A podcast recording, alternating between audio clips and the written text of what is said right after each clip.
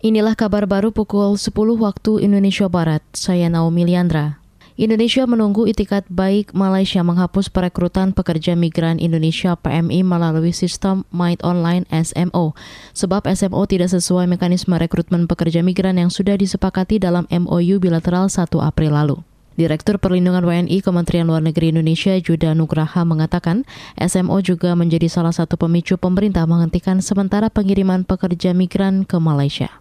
Namun kemudian uh, perwakilan kita yang ada di Malaysia uh, menemukan beberapa bukti bahwa Malaysia masih menerapkan apa yang disebut sebagai sistem made online. Sistem ini adalah mekanisme rekrutmen yang di luar kesepakatan yang ada dalam MOU. Hal ini tentu tidak sesuai dengan uh, isi dari MOU yang sudah ditandatangani bersama. Secara khusus uh, SMO atau sistem made online ini membuat posisi pekerja migran kita menjadi rentan tereksploitasi. Direktur Perlindungan WNI Kementerian Luar Negeri Indonesia Yuda Nugraha berharap Malaysia kembali mematuhi MOU pengiriman pekerja migran yang sudah disepakati. Sebelumnya Indonesia menghentikan sementara pengiriman pekerja migran Indonesia sektor domestik ke Malaysia.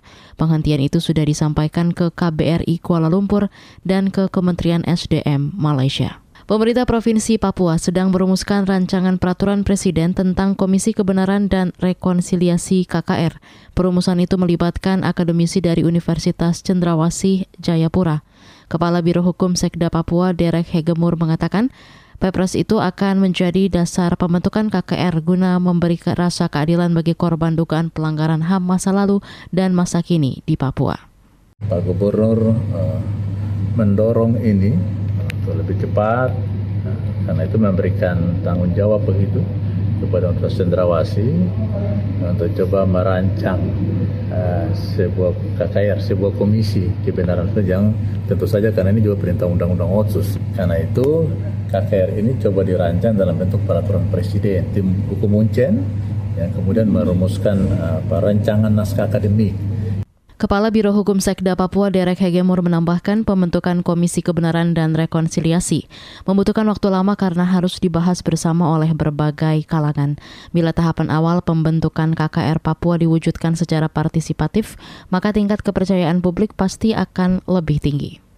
Nilai tukar kurs rupiah yang ditransaksikan antar bank di Jakarta pada Jumat pagi menguat 25 poin ke posisi 14.995 per dolar Amerika dibandingkan pada penutupan perdagangan sebelumnya yakni 15.020 per dolar Amerika.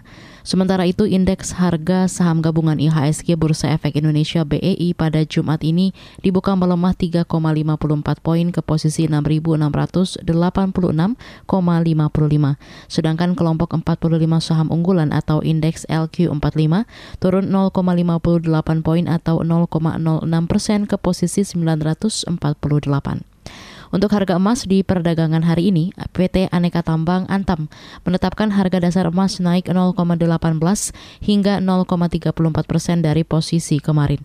Harga emas Antam dibanderol jadi satu juta dua ribu rupiah per gram. Demikian kabar baru KBR, saya Naomi Liandra.